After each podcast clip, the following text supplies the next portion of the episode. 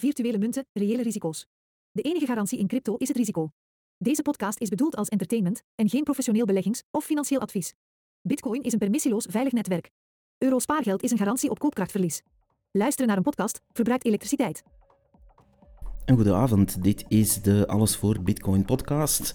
De podcast die de stem laat horen van Belgische bitcoiners. Dit is aflevering 83. En na een korte hiatus, ik heb uh, augustus een beetje vrijgenomen. Ik had maar één aflevering, uh, namelijk uh, episode 82, gemaakt. om even tot rust te komen. En na deze kleine hiatus gaan we terug van start. de intro is een beetje veranderd. Ik ga het helemaal freebieën.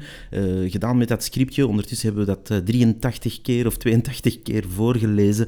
Dus het is wel duidelijk ondertussen. We zijn dus een Belgische Bitcoin-podcast. Je kan alles vinden op allesvoorbitcoin.be. En daar lanceren we af en toe wat nieuwe projecten en zijsprongetjes, uh, zoals die bitcoinbasis.be, waar we basiszaken uitleggen in uh, drie verschillende talen in snel tempo voor uh, ja, de mensen die gewoon weinig tijd hebben, maar wel over bitcoin willen leren. Dus dat is bitcoinbasis.be. Dit is dus de podcast en ja, we gaan gewoon met de nieuwste items beginnen. we beginnen eigenlijk met onze favoriete wallet, toch bij mij een van de favoriete wallets, en dat is Phoenix Wallet.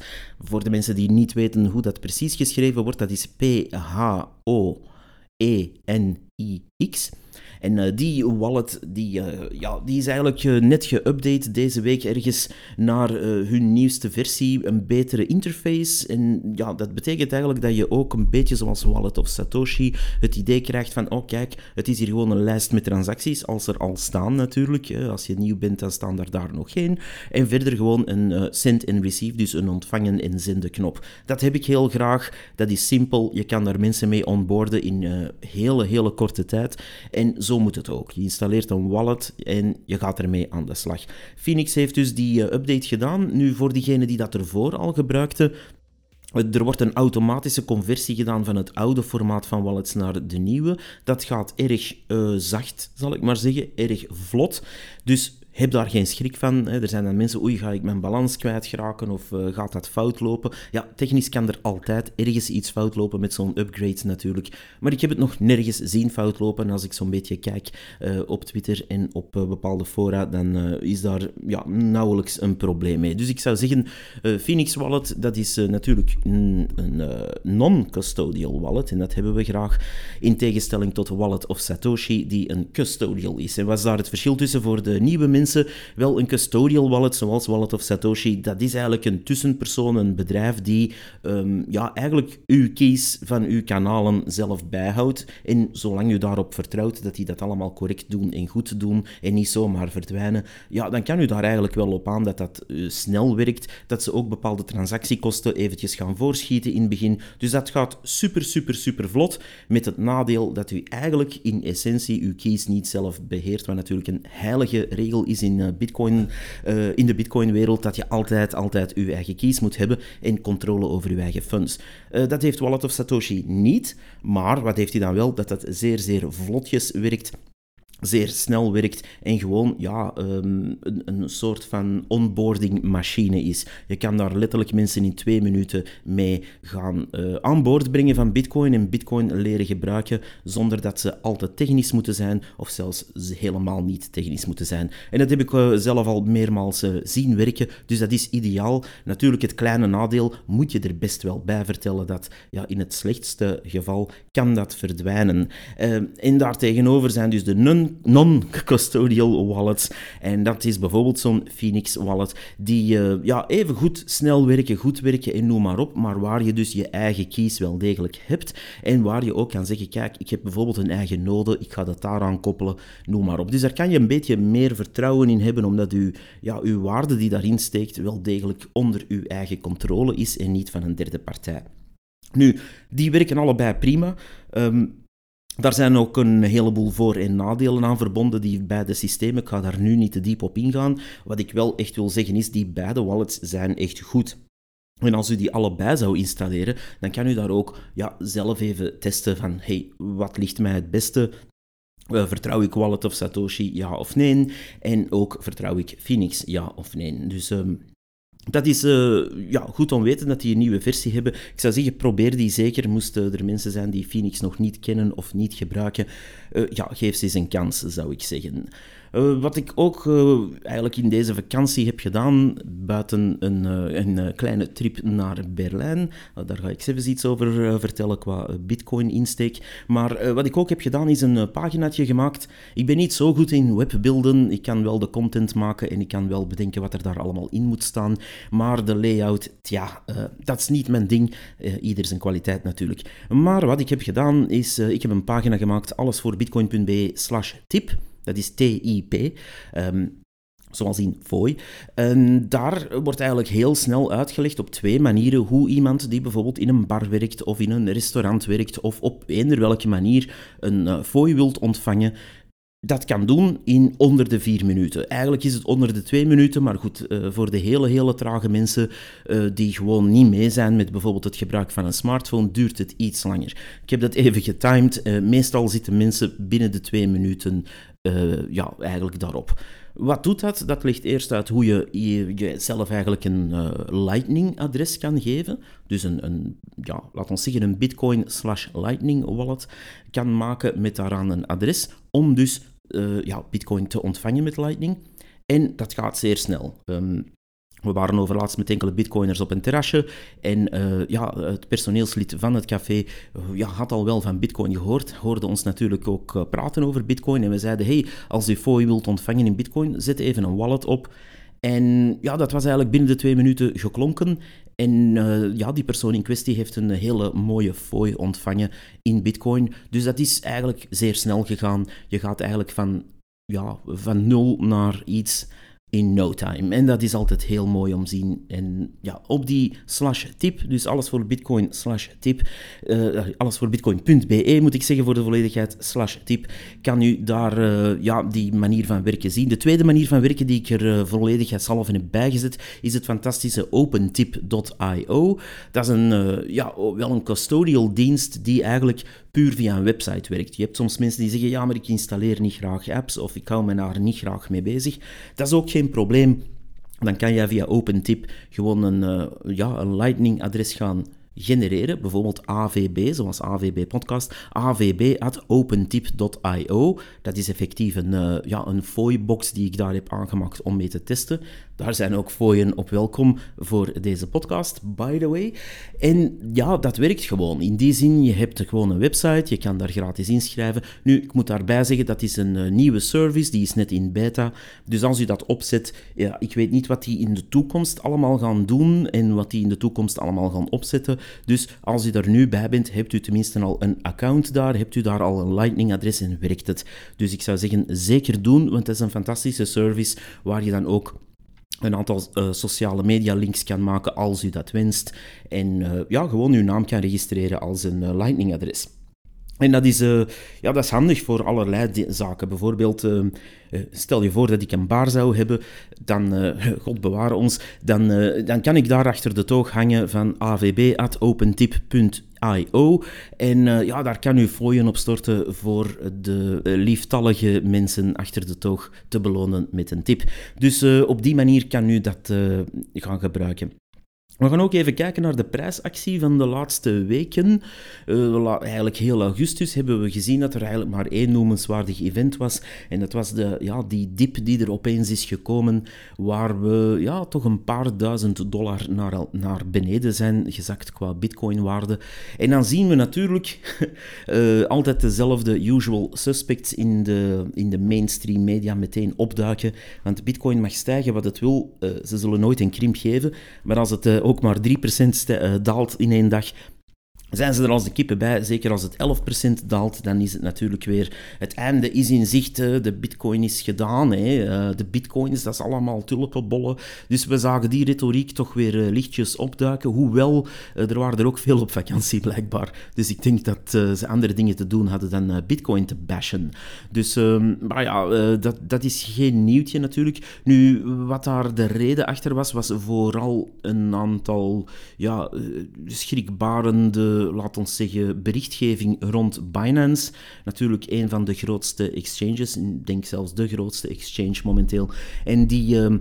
Ja, die hebben weer een zoveelste keer uh, iets gedaan dat misschien niet door de beugel kon. Uh, en dat zou een aantal sancties naar Rusland toe hebben overtreden, naar het schijnt. Ik weet niet wat daarvan aan is. Ik weet wel dat er daar wat paniek is door ontstaan. Want ja, moest Binance, stel je voor, morgen uh, verdwijnen, ja, dan zal dat zeker en vast zijn effecten hebben op de markt. Heel de markt. In die zin niet alleen de Bitcoin-markt, maar ook de altcoins, shitcoins, noem het maar op, markt. Uh, ja, omdat daar natuurlijk, ja, laat ons maar een kat en kat noemen. Binance is een shitcoin casino voornamelijk. Dus um, ja, daar was wat uh, schrik voor. Nu, ondertussen is die schrik al een beetje weggeëpt, maar de prijs is nog niet helemaal recovered. Uh, dus dat gaat heel langzaam terug omhoog gaan. Um, ja, zoals u daarnet hoorde, we zitten nu rond die 26.000 dollar te zweven. ja, een prijsactie kan ik moeilijk voorspellen. Ik heb geen glazen bon, bol, maar vermits dat uh, tegen volgend uh, ja, april, mei de halving eraan komt, zitten we toch uh, ja, ja, echt wel aan de, onderaan de curve en zou er volgens wat er in het verleden is gebeurd, als dat zich herhaalt, toch weldra wat positieve prijsactie moeten komen. Nu, langs de andere kant, uh, de bitcoiners die ik tegenkom, die zijn uh, ja, eigenlijk heel tevreden met de prijzen die er nu zijn, om de welbekende redenen, want tja, het is alle dagen kerstmis hier. um, toch ook nog een tussendoortje voor um, de, ja, de fantastische reclame die we toch moeten maken voor de staatsbon. Um, in die zin, we zijn dan wel bitcoiners, maar ja, we kunnen, we kunnen er niet omheen. We kunnen er niet omheen. 2, wat was het, 5% of 6% iets onder de 2%, in ieder, nee, iets onder de 3% in ieder geval, um, en met een vaste opbrengst. En de staat, de Belgische staat, gaat dat uitgeven. En uh, ja, de mensen lopen er storm voor, blijkbaar, want natuurlijk als iets uh, goed herhaald wordt op televisie en op de radio, dan, ja, dan mag het uren in de wind stinken, maar dan gaan de mensen dat toch kopen, blijkbaar. Dus er werd goed reclame voor gemaakt, want natuurlijk, wat is dan de stunt? Om te zeggen, kijk, hier is iets dat niet opbrengt, namelijk uw spaarboekje op uw bank. Uw spaarrekening brengt natuurlijk eh, geen habbekrats meer op. Dat weten we al jaren. En nu, uh, nu, zegt, uh, nu zegt onze minister van Financiën van kijk, we gaan, uh, we gaan de centrale bank, eigenlijk, we gaan, we gaan vanuit de staat, zal ik maar zeggen, centraal gaan we um, een staatsbon uitschrijven en we gaan, we gaan beslissen om daar een, een 2, iets procent op te kleven qua vast rendement. Dat is natuurlijk ja, een mooi rendement wanneer je het gaat vergelijken met die zeer, zeer, zeer triestige um, spaarrekeningen maar ook de zeer triestige termijnrekeningsopbrengst. Dus ja, wanneer je natuurlijk iets dat al heel slecht is, gaat vergelijken met iets anders slecht, um, tja, wat heb je dan? Dus ik, ik, ik verbaas me er eigenlijk over de moet ik het zeggen, de, hoeveelheid aan propaganda die daar werd tegen aangesmeten om de mensen toch maar die staatsbond te laten kopen. Ik las daar net nog dat er om en bij de miljard euro ondertussen was ingelegd door mensen. Ik weet niet of dat cijfer klopt, ik pluk het ook maar van een van die uh, onbetrouwbare krantjes die, uh, die propaganda aan het... Uh, bezigen waren. Maar goed, voor de mensen die dat niet weten, en misschien ook wat eh, Nederlandse luisteraars, in België hebben we dus het eh, effect van de staatsbon, wat dus eigenlijk een lening is, een staatslening. En dat wordt uitgeschreven aan de bevolking, eh, de bredere bevolking, waar je dus via je bank vooral kan op intekenen. En die, die gaat eigenlijk een vaste rente opleveren in uh, fiat-euro's, om duidelijk te zijn. Dus uh, ja, moest dat uh, in bitcoin zijn, dan zou ik er nog over denken zelfs. Maar nee, het is jammer genoeg in, in fiat-eurotjes. het is nog niet is zo erg dat het in digitale CBDC-euro's betaald wordt.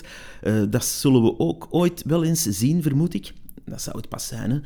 Een, een staatslening, maar dan de uitbetaling van de rente gebeurt in bijverzonnen digitale fake-euro's. Ah, hmm. Nee, die fiat-wereld is eigenlijk wel triestig. In die zin, uh, je gaat dus bij je eigen bevolking, die al slachtoffer wordt van inflatie en uh, ja, stijgende voedselprijzen en noem het maar op, dan ga je daar eigenlijk met de pet rond en zeggen, hey, leen ons nog wat geld. En dan krijg je daar de 2, zoveel procent op, terwijl je denkt van, tja... Um, is dat, niet, uh, is dat niet een beetje triestig? Want onze inflatie zit, als we de cijfers van de staat zelf geloven, rond de 4%. We weten allemaal dat het uh, in realiteit veel, veel, veel hoger ligt. Maar goed, we gaan zelfs dat cijfertje even heel naïef geloven. Ja, dan maak je nog altijd ruim 1% verlies, gegarandeerd. Dus je moet wel... Uh, ik ga niet zeggen dom zijn, maar je moet toch wel een, een zeer, moet ik het zeggen, risicominnend iemand zijn om erop te gokken dat de wereld zo slecht gaat gaan dat uw min 1, zoveel procent eigenlijk nog wel best goed gaat zijn binnen een jaar. Dus dat is wel triest. Dan ben je eigenlijk een uh, negativist tot en met, of iemand die de banken helemaal beu is. En dan, dan zijn er andere opties. En dat is nu net het jammere. Ik las uh, dat een van de bankiers, nee, sorry, een van de bekende economen zei van ja, het is toch wel jammer dat in dit land er zoveel financieel ongeletterde mensen zijn. Tja, dan zou ik zeggen, meneer de econoom die graag in het uh, nieuwsblad staat, uh, dan zou ik zeggen, doe daar zelf eens iets aan en ga naar die mainstream kranten en zeg van kijk, we gaan eens eventjes in een, uh, ja, in een groot spektakel eigenlijk, weken of maanden aan een stuk, al de verschillende soorten van beleggingen mooi op een rijtje zetten. En niet in een artikel van 100 woorden dat door iemand is geschreven die de volgende dag naar een K3-concert gaat, maar um, en daar een mooi verslag van maakt. Maar uh, door iemand die dat echt kent. En ja, zet dat maar eens goed in de verf van kijk, je kan investeren in, ik zeg maar iets, kunst of uh, wijn of whisky of staatsbonds of uh, termijnrekeningen, aandelen, ETF's, noem het maar op. En ja, ga het rijtje maar af. En in dat rijtje hoort natuurlijk ook ja, iets anders thuis, namelijk bitcoin. En dan kan je daar misschien eens uh, ja, de mensen zelf deftig over informeren. Maar wat er natuurlijk gebeurt is, ja, de mensen kennen het niet. Die gaan met hun spaargeld gewoon naar de grote bank en dan zeggen ze, ja, ik ken daar eigenlijk niks van, maar uh, doe maar iets met mijn geld. Hè waarna ze u keihard bestelen, want ja, je gaat eerst 2% of 2% en half inlegkosten betalen bij zo'n bank, hè, want dan uh, hun, hun mooi verzorgd mandje met zogenaamde defensieve beleggingen, die eigenlijk niet defensief zijn, die gaan ze natuurlijk uh, ja, eh, met een forse inleg gaan laten betalen en dan komen er jaarlijks ook nog eens 2% kosten op. En ja, daarbovenop krijg je ook nog de inflatie, dus dan moet je eigenlijk al dik boven de 10% echte opbrengst zitten van dat product op een aantal jaar, om daar ook maar iets uit te halen. En zelfs dan, wanneer je dat er dan uithaalt, moet je ook nog eens uitstapkosten betalen, meestal niet altijd. En natuurlijk ook de uh, roerende voorheffing en alle andere kosten die daar nog bij komen voor ja, natuurlijk de administratie die men heeft moeten doen om op dat knopje te duwen. Dus uh, dat wordt allemaal niet uitgelegd. Men doet alsof dat allemaal maar vanzelfsprekend is, dat de banken nu bestelen, dat de mensen staatsbonds zitten chillen en uh, verpatsen alsof het allemaal opbrengt. Wel, mensen, het is een garantie dat het niet opbrengt. Um, aan het begin van deze podcast moeten wij verplicht, net zoals heel veel websites zeggen tegen ons goesting, dat um, het enige uh, wacht, de enige garantie in crypto is het risico. Nu, ja, dat is waar, want wij, wij zijn geen crypto-boys, wij zijn bitcoiners. Maar ja, in het algemeen bedoelen ze natuurlijk heel die markt. Maar zeg dat ook eens over de staatsbonds. Het een, de enige garantie met het aankopen van uw staatsbon is een gegarandeerd verlies. En dan kan men wel zeggen, ja, je krijgt, het is 2,81% eh, zie ik, 2,81%, dan, uh, ja, dan hebt u toch opbrengst. Ja, dat klopt, dat is wat er wordt uitbetaald qua uh, vastgelegde ja, winst, zeg maar, op uw inleg. Maar ondertussen bent u wel een enorme opportunity cost aan het nemen, doordat uw geld dat u daarin steekt immobiel wordt. En dan halen ze altijd mensen boven, en deze keer was het een zekere Serge, en Serge, die uh, zat blijkbaar um, ja, ergens aan een dijk in uh, Knokke, vermoed ik. En die, of in Braschaat, uh, aan een lounge-terras, of all places. En die, die man die zei, goh, ik heb ingetekend op de staatsbon omdat ik eigenlijk de banken een hak wil zetten. En dan, hoe, hoe, kan zo iemand zijn lach inhouden? In die zin, ja, je krijgt inderdaad met je spaarcenten op de bank zo goed als niks. Oké, dat heeft hij door, dus hij heeft tenminste één hersencel. Cool. En dan uh, met de tweede hersencel zegt hij van ja, maar ik ga zijn hak zetten. Ik ga iets kopen dat 2,81% uitbetaalt. Oké, dus hè, dat is een step up. Je gaat eigenlijk uh, van, van puur bestolen te worden net iets minder puur bestolen uh, worden. dat is kei cool. Maar ja, je bent nog altijd aan het verliezen. Kan je nu niet nog een beetje ja, meer moeite doen en ja, iets zoeken dat meer rendeert? Ah ja, ja, maar dan moeten we risico nemen. En daar gaat het eigenlijk om. Men zegt van, we gaan het risico er hier uitnemen. En dat is het verkoopsargument ook voor een spaarboekje en ook voor een termijnrekening en uh, zeker voor de staatsbon. Ja, je bent wel heel zeker van die 2,81%. En dat is ook zo, daar moeten we niet moeilijk over doen. Je gaat die echt wel krijgen. Dat is cool. En dat is het verkoopsargument van, ah, daar ben ik tenminste zeker van. Ja, maar je bent ook zeker dat uw inflatie u nog altijd onder water gaat duwen. Dus ja, wat heb je nu gedaan? Je hebt een, een step-up gedaan van um, uh, ja, uh, de commerciële banken die u bestelen naar de staat die u net iets minder dan die commerciële banken besteelt. Dat is dan cool. Uh, ja, je doet maar. Maar ja, verder zoeken gebeurt eigenlijk niet. En ondertussen staat dus uw geld vast. En die Serge die had 200.000 euro blijkbaar op een spaarrekening staan, naar eigen zeggen. En uh, die ging dat dus in de staatsbon steken. Nu, als ik uh, ruw even uit mijn hoofd reken, dan gaat die uh, om en bij de, laat ons maar zeggen, 5500 euro daaraan overhouden. Ik vermoed dat er toch ook nog wel wat uh, kosten hier of daar bij komen. En, we gaan zelfs de taxatie eventjes achterwege laten. Dus stel dat Serge daar 5500 aan overhoudt. Kijk, cool. Ik reken hier uit mijn hoofd uh, voor de komma-neukers. Ja, je kan daar uh, waarschijnlijk een exacte berekening van maken. Het interesseert me heel weinig. Dus om en bij de 5500 euro. Maar ondertussen heeft zijn, jaar geld, uh, zijn geld een jaar vastgestaan en heeft hij dus allerlei andere opportuniteiten die je met 200.000 euro zou kunnen hebben laten aan zijn neus voorbij gaan. Die kost zie je natuurlijk niet. Het is niet dat iemand die kost gaat komen innen. Die opportuniteitskost die wordt nooit meegerekend. Evenmin gaan die mensen inzien dat ze dus eigenlijk een soort van fiat junkies zijn geworden. Want het is wel triestig je hebt eigenlijk een staat die zelf geld uitvindt en die zegt van kijk, jullie moeten dat allemaal gebruiken. Wij printen hier euro's en dat is ons geld. In consensus wordt dat zo overeengekomen. Dan gaan we zoveel massaal veel geld bijprinten, zodat eigenlijk de, de mensen die het laatste de informatie krijgen over prijsstijgingen en over marktbewegingen het meeste extra tax betalen in de vorm van inflatie. En daarbovenop gaan we dan zelf een lening uitschrijven aan die mensen die er kunnen op intekenen om onder de inflatie een opbrengst te krijgen, zodat je zeker ook nog eens daarop verliest. En dus die uitbetaling, dus op het moment dat dat wordt uitbetaald, gaat die man waarschijnlijk heel blij zijn, want dat zijn fiat junkies heel rap. Um, hè, dat is zoals een echte junkie, als je die waarschijnlijk een pilletje geeft of een, uh, een, uh, een, een, klein pijpje met wat poeder in, dan gaan die super blij zijn die avond. Maar um, ja, wat heb je? Eh, je hebt inderdaad iets gekregen en ja, je ziet dat dan op je rekening komen en je hebt er eigenlijk niks voor moeten doen buiten gewoon wachten. En dan vinden ze dat fantastisch. Eh, ze zien het achterliggende systeem blijkbaar niet of ze willen het niet zien. En ze zijn echt ja, fiat-junkies geworden die eigenlijk erop rekenen dat die staat verder en verder verrot geld bijprint, inflatie bijcreëert en schulden blijft maken en onrechtstreeks oorlog blijft uh, financieren om die malle molen te laten blijven draaien. En dat is nu net het triestige. Wanneer je daaruit stapt, en dan heb ik het even uitgerekend voor Serge, dan zou die op het moment dat hij inschrijft dus 200.000 euro hebben betaald en bijvoorbeeld zou die dat in bitcoin hebben kunnen steken. En dan uh, op dat moment dat dat artikel verscheen, is dat 18762 bitcoin. Dus dat is een, ja, een afgerond 8,19 eh, zullen we het maar eventjes afronden, um, bitcoin. Oké, okay, kijk cool. Um, ja,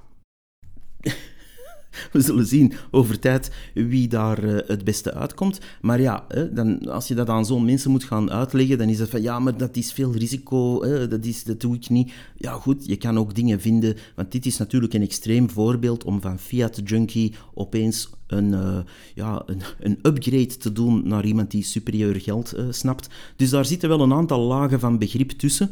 En die lagen van begrip gaan natuurlijk over hè, eerst ETF's leren kennen, dan misschien goud leren kennen ook, dan uh, gedecentraliseerd geld leren kennen, is uw eerste klein beetje bitcoin kopen. En dan zit daar waarschijnlijk een detour rond, omdat je dan heel even in shitcoins gelooft, in altcoins en andere zever, uh, omdat je denkt dat je daar nog meer opbrengst gaat krijgen. Dan ga je daar volledig op je bek en ben je alles kwijt. En dan pas word je bitcoiner. Dus uh, Serge, je hebt nog een hele weg af te leggen.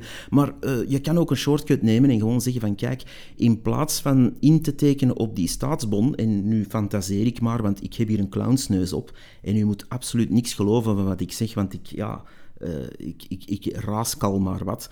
Um, maar die, um, die, zo'n mensen als een Serge zouden bijvoorbeeld kunnen zeggen, kijk, ik ga mijn risico aan de ene kant beperken, want zulke mensen zijn heel, heel risicoavers, denken ze. Dus stel dat die man uh, ja, 190.000 gewoon op zijn spaarboekje zou laten staan. Hij had 200.000 op uh, een spaarrekening staan bij een grote bank waarschijnlijk. Kijk, cool. Um, en vooral dat hij de grote bank dat niet heeft laten beleggen in hun horrible, horrible Horizon dat is al uh, knap. Dus Serge heeft toch een beetje verstand, denk ik. Dus die kan dan bijvoorbeeld zeggen, ik laat 190 erop staan en ik ga met 10.000 euro um, uh, bitcoin kopen dan ga je ook je risico indekken. Want zulke mensen denken natuurlijk, bitcoin, allemaal tulpenbollen, het is allemaal supergevaarlijk, uh, alleen criminelen gebruiken dat, het is slecht voor het milieu. Van zodra ik dat aanraak, uh, word ik overspoeld door een vloedgolf die komt van gesmolten gletsjers. Dus die mensen zijn super bang gemaakt, dus, maar die overwinnen dat toch. Die zijn sterk, ze geloven erin ze gaan dan toch met 10.000 euro bitcoin kopen. En wel, dat is knap, want dan ga je dus eigenlijk dat klein beetje uh, opzij zetten in bitcoin en wachten. En de rest, de rest staat op uw spaarrekening verder weg te smelten samen met de inflatie, gaat dat uh, allerlei dingen meemaken. En op het einde van de rit, zonder die staatsbond te hebben aangeraakt, ga je dan zien wat je echt qua opbrengst hebt. En ik durf wedden, ik durf wedden, dat moest je dat doen en je gaat op die staatsbon intekenen. Dus één iemand zet 200.000 puur op de staatsbon. Iemand anders zet, laat ons zeggen, 5% uh, in op bitcoin, laat de rest op het spaarboekje staan. En iemand anders gaat full bitcoin en gaat dus die 8.1 876 bitcoin kopen.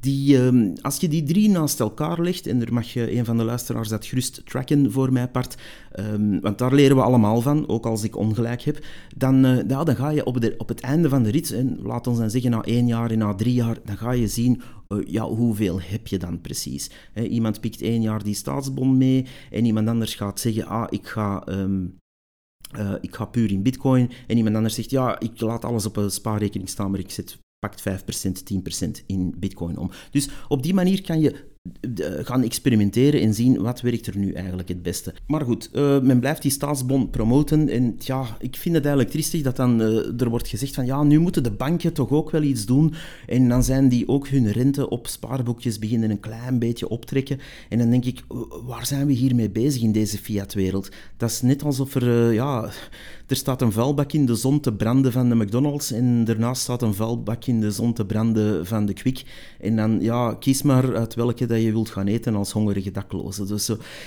het is echt eigenlijk zeer triestig. De mensen zitten nu eenmaal in enorme prijsstijgingen, alles wordt maar duurder.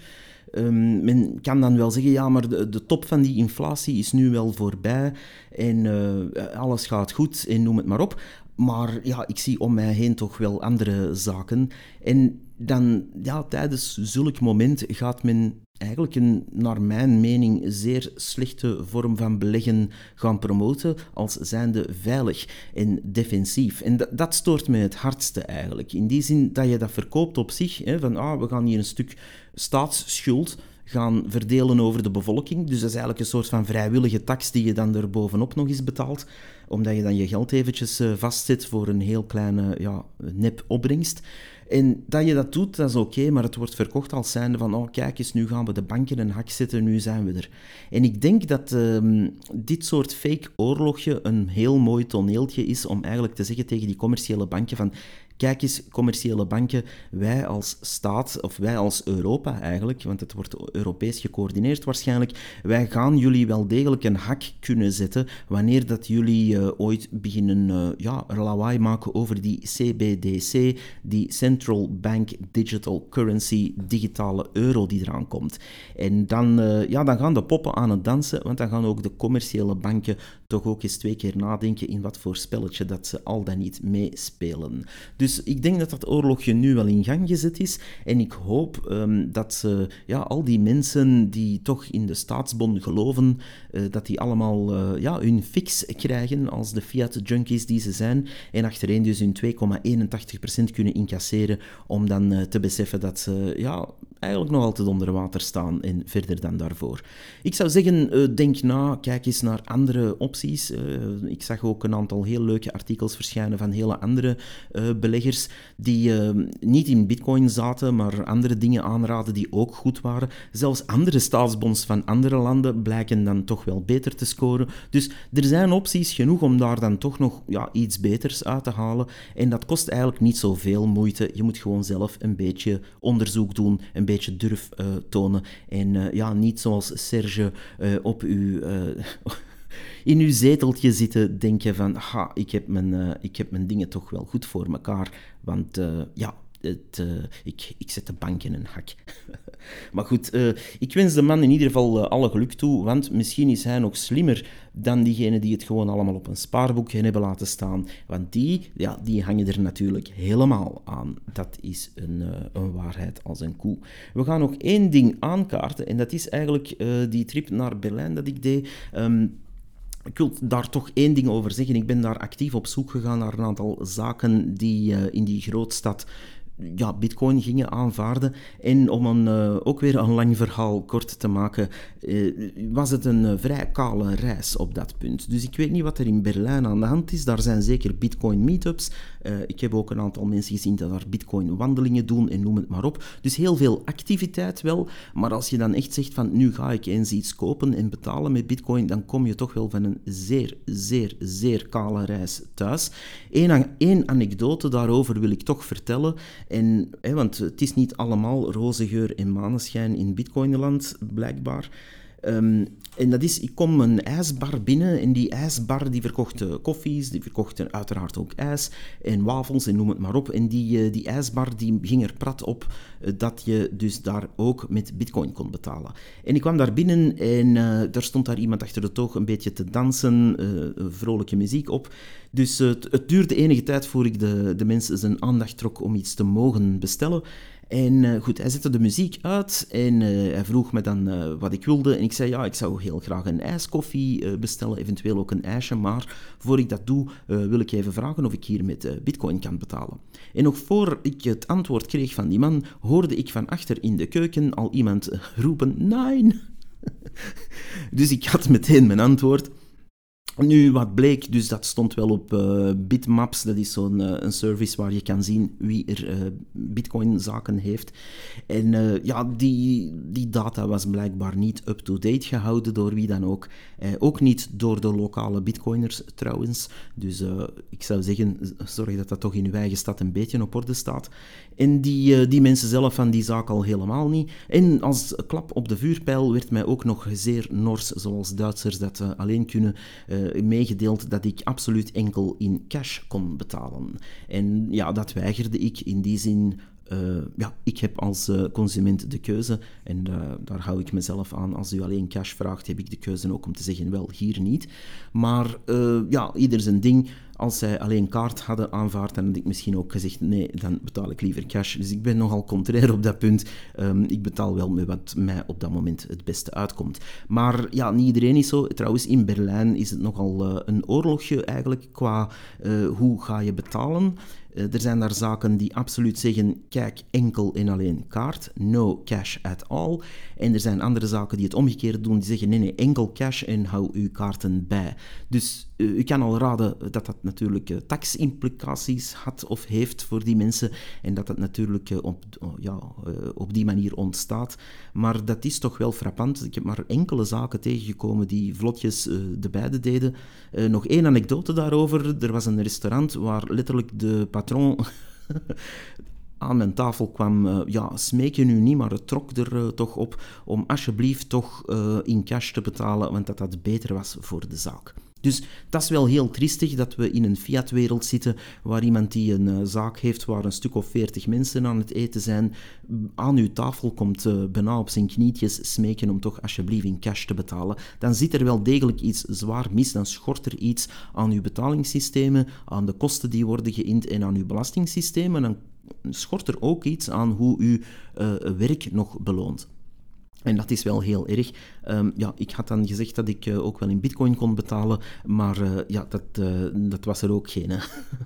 dus dat is eigenlijk wel triest. En daar wil ik toch even op, op, op hameren. Ik hoop dat het hier in België niet die richting uitgaat. Ik vrees er een beetje voor. Maar we moeten absoluut meer inzetten op die circulaire economie. als u een kapper hebt of een beenhouwer, of u gaat een of andere zaak open doen, of u bent een consultant, of het maakt niet uit wat u doet probeer open daarvoor te staan. Want voor je het weet zitten we hier uh, in een Berlijnse situatie waar u zelf uh, op uw knietjes bij uw klant moet gaan bedelen om alsjeblieft toch in cash te betalen en niet met de CBDC of andere zaken. Nu kan je wel zeggen, ach ja, maar dat zijn allemaal mensen die in zwart willen werken en dat is allemaal slecht voor de maatschappij. Wel, uh, nieuwsflash, de maatschappij bestaat nu eenmaal, en ja, ik vind dat ook niet tof, maar zo is het, uit zwart geld, grijs geld en wit geld. En ja, de staat zelf maalt er ook niet om om af en toe uh, rare dingen te doen met geld en subsidies. Uh, daar hebben we recentelijk voorbeelden genoeg van gezien in het nieuws over bepaalde fabrieken die uh, ja, al dan niet op een fidele manier werken.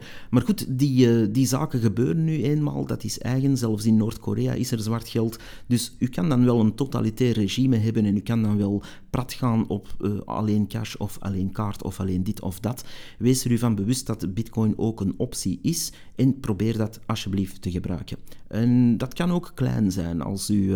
Als als u werkt in een zaak en de zaak zelf wil niks van bitcoin weten, dat is geen probleem, maar u kan zelf altijd wel kiezen om te zeggen, hey, ik draag hier mijn open tip.io uh, sorry, uh, tag op mijn uh, kledij of aan de bar of die zender. En u kan mij op die manier bitcoin fooi geven. En dat is toch een kleine steek, want dan is dat van u. Dan heeft daar niemand anders zaken mee, iemand betaalt u daarmee en dat is effectief echt van u.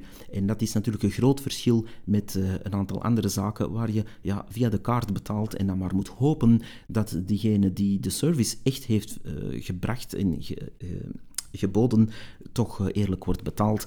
En met Bitcoin ja, is dat niet. Als iemand u goed bediend heeft, kan je die rechtstreeks, zonder dat er daar iemand tussen zit, betalen. Uh, dat was hem voor vandaag. Ik zou zeggen, uh, circulaire economie, denk daar zelf eens over na. Wat doet u daar echt, echt voor? Uh, want er zijn heel veel filosofen die daar dan uh, ja, eh, uitgebreid over zitten wauwelen. Maar als er dan ja, eens iets moet betaald worden of een tip gegeven moet worden of wat dan ook, dan zijn ze verre van thuis of hebben ze zelfs geen bitcoin. Dus wees niet zo'n zetelfilosoof. Doe ook eens iets, zou ik zeggen. Um, en ook een warme oproep. Wie die slash tip website wilt funkier en beter en mooier maken, is altijd welkom. U kan dat sturen naar kim.allesvoorbitcoin.be. Uh, enkel serieuze dingen alsjeblieft. Uh, ik moet geen gewauwel of politieke zever in die mailbox krijgen, want dat zit er al genoeg in. nee, als u effectief iets wil positief doen om die pagina beter te maken, dan bent u meer dan welkom. Momenteel staat er enkel droog de tekst op een uh, zwarte achtergrond. Ja, ik weet ook dat dat beter kan, maar hey, het gaat om de inhoud. En als we niks creëren en nergens beginnen, ja, dan had er ook deze podcast niet geweest en dan had er ook heel veel anders niet geweest. Dus ik zou zeggen, denk na over die circulaire economie en denk ook na wat doet u als proof of work voor Bitcoin. En daarmee sluit ik echt af. Dit was hem. Bye bye.